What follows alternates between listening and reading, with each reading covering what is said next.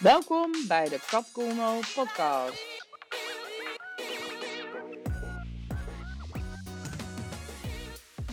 Hey, dit is Kat. In deze podcast wil ik het hebben over de logica van geluk.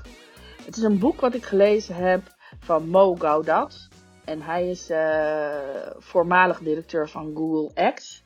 En Google X is echt, uh, ja, zeg maar, de, de high-end, uh, het high-end onderdeel van, van Google. Waar ze bezig zijn met maanreizen en dat soort zaken. robots en ja, dat soort dingen allemaal. En Mo, Mo was een behoorlijk rijke meneer. Um, en hij schreef een boek over geluk. En dat boek heet Solve for Happy of De Logica van Geluk in het Nederlands. En hij kan heel boeiend vertellen over geluk. En um, ja, ik, het is een van mijn lievelingsboeken. Um, want ja, het heeft mij best wel veel inzichten gegeven in wat is geluk nou eigenlijk. En, en waarom willen we dat nou allemaal? En waarom moet je de hele tijd gelukkig zijn? En hoe werkt dat eigenlijk? En volgens Mo is geluk een, uh, niet een soort permanente opperste staat van blijheid. Uh, niet een hip hip hoera gevoel, maar meer een serene staat van zijn waarbij je content bent met wat er is. Uh, content als in tevreden, zeg maar.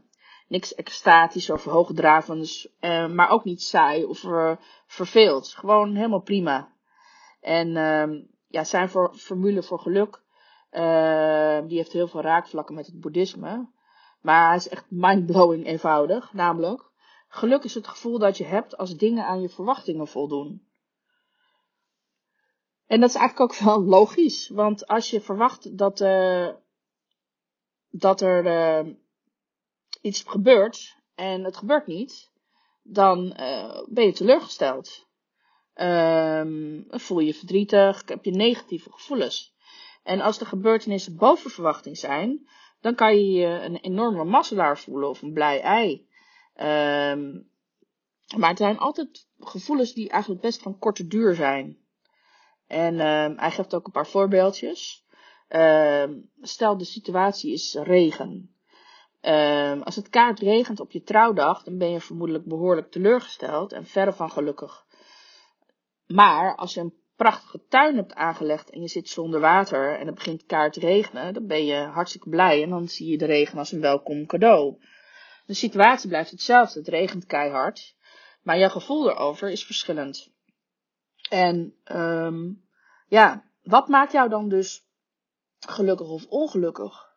Niet uh, het feit of de situatie zelf, maar de manier waarop je er naar kijkt.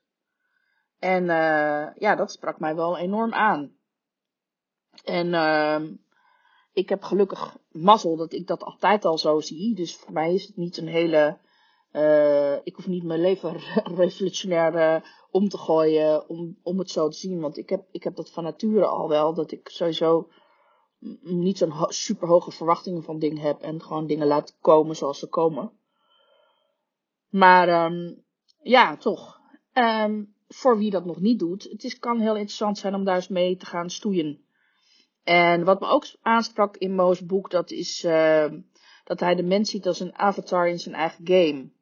En hij ziet dus het leven als een game en jij moet dan als avatar allerlei obstakels overwinnen om naar next level te kunnen. En er komen dus allerlei challenges op je pad en die moet je dan aangaan om te leren waar jij in je wat jij in je leven te leren hebt. En pas als je dan je persoonlijke les echt snapt, dan mag je dus door naar de volgende les. Als je dus super hard leers bent, dan krijg je dus bepaalde challenges meerdere keren aangereikt. En uh, soms kan je ook niet verder, omdat je ergens op je pad bijvoorbeeld nog een uh, bepaalde sleutel had moeten vinden of een opdracht moest vervullen of een inzicht nog niet hebt. En dan moet je dus terug en uh, dan moet je dus nog even dat gaan fixen eigenlijk. En met de tools en de inzichten kom je telkens dus een stap verder. En het gaat er eigenlijk om dat je, ja, dat je er iets mee doet en dat je de tools gaat inzetten waar ze nodig zijn. En je krijgt ook de tools die jij nodig hebt, die jij moet hebben voor jouw le leven. En uh, jouw avatar die begeeft zich op zijn eigen pad. En uh, die komt dus ook uh, op zijn eigen hoogste level uit. En dat is dus voor iedereen verschillend. En um, ja, uiteindelijk is dan game over. En dan mag je weer opnieuw beginnen. Dan word je weer opnieuw geboren en dan gaat het hele verhaaltje weer overnieuw. Um, ja, en dat vond ik wel heel grappig, want um, ja, het, het heeft ook raakvlakken met de Hero's Journey, waar ik ook enorm mee bezig ben. Um, en er vielen dus allerlei, ja, toch wel dingen op hun plek, dat ik dacht van, hé, hey, dat is grappig, want um, ja, waarom spreekt mij dat nou zo aan? Weet je wel, ook dat avatar uh, idee van dat je leven een game is. Ik vind het op een of andere manier het leven ook veel makkelijker maken. Als je bedenkt van het is een reis of een spel. En uh, ja, je moet gewoon bepaalde dingen moet je overwinnen, levels. En het is dus ook op een of andere manier daardoor minder erg dat je uh, bepaalde challenges krijgt. Die zie ik dan ook als challenges. Ook de hele heftige dingen die in mijn leven gebeuren. En ik heb wat dat betreft wel redelijk wat meegemaakt. Uh, kan, je, kan je dus zien als een soort van challenge. En om een voorbeeldje te noemen, uh, ik heb sinds 2005 chronische leukemie. Dat is ongeneeslijk, maar er is wel mee te leven met medicijnen, zware medicijnen, uh, die ook wel mijn leven wel daadwerkelijk uh, veranderd hebben.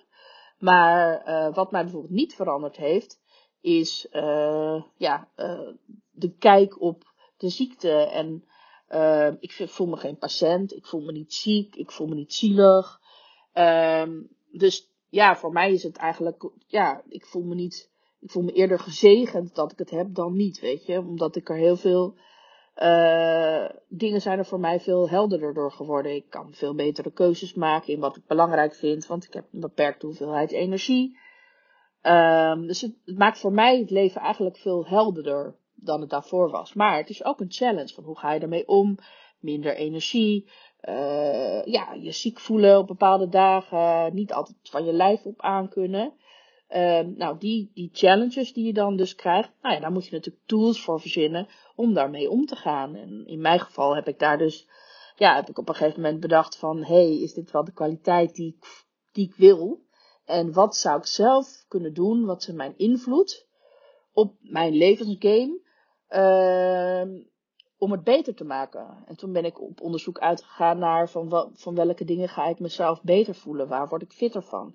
Ik ga, ben gaan experimenteren met het verminderen van de dosis van mijn medicijnen. Uh, nou, dat scheelde heel veel in de bijwerkingen, waardoor ik me een stuk beter voelde. Nou, daardoor kon ik ook bijvoorbeeld weer beter uh, bewegen. Dus ik ben gaan lopen. 7000 stappen per dag. Ik ben anders gaan eten. Ik heb geëxperimenteerd met wat werkt voor mij wel, wat werkt voor mij niet. En zo heb ik alle sleutels die ik tot dusver niet had opgehaald, uiteindelijk wel opgehaald. Waardoor ik nu naar een volgend level ben gekomen in mijn gezondheid. En uh, de uitslagen zijn nog nooit zo goed geweest als de afgelopen maand.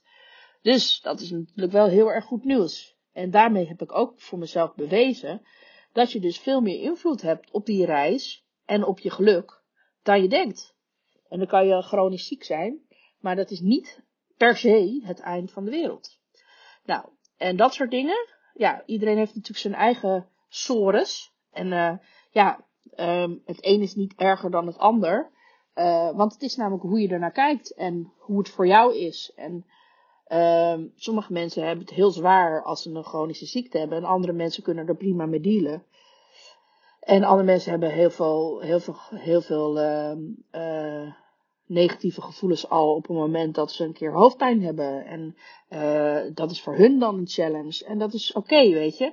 Maar je kan, het, je kan altijd de uitdaging aangaan om te kijken van, hé, hey, hoe kan ik me verwachtingen over wat ik wil en wat er is, uh, zo uh, instellen dat ik, uh, dat, ik er op die, dat ik er minder mee bezig ben, dat het me minder energie kost.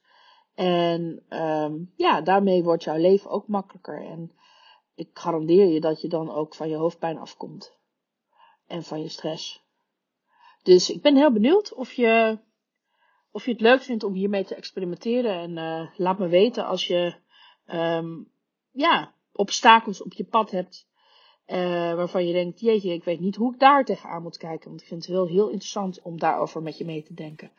Dus let me know. En uh, nou, ondertussen heel veel geluk. Tot de volgende keer. Ciao. Dankjewel voor het luisteren naar deze podcast. Mocht je willen connecten of meer informatie willen hebben, dan kan je me vinden op LinkedIn en op Instagram, katkolno, een T aan het eind. Tot de volgende keer. Ciao.